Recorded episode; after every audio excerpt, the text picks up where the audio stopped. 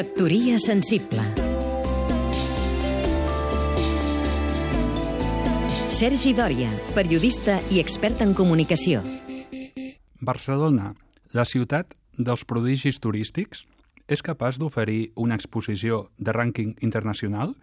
Fa tres setmanes el company Josep Playà Masset ens oferia la resposta amb un exhaustiu reportatge a La Vanguardia. Paradoxes de la vida. Resulta que el Teatre Museu Dalí de Figueres, el pintor al qual se li nega un carrer a Barcelona, és el més visitat de Catalunya i el 40è del món.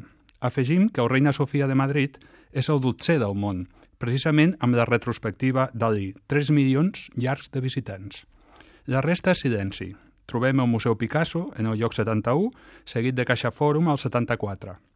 El MACBA i el MENAC, segons els símil futbolístics, estarien en llocs de descens, 94 i 97 respectivament. Pel que fa a les exposicions temporals, la cosa és pitjor.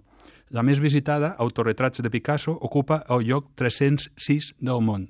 Des de fa un trieni, Barcelona, amb l'excepció de Dalí, l'artista de masses, sense avinguda, plaça o carrer, és internacionalment irrellevant en matèria expositiva.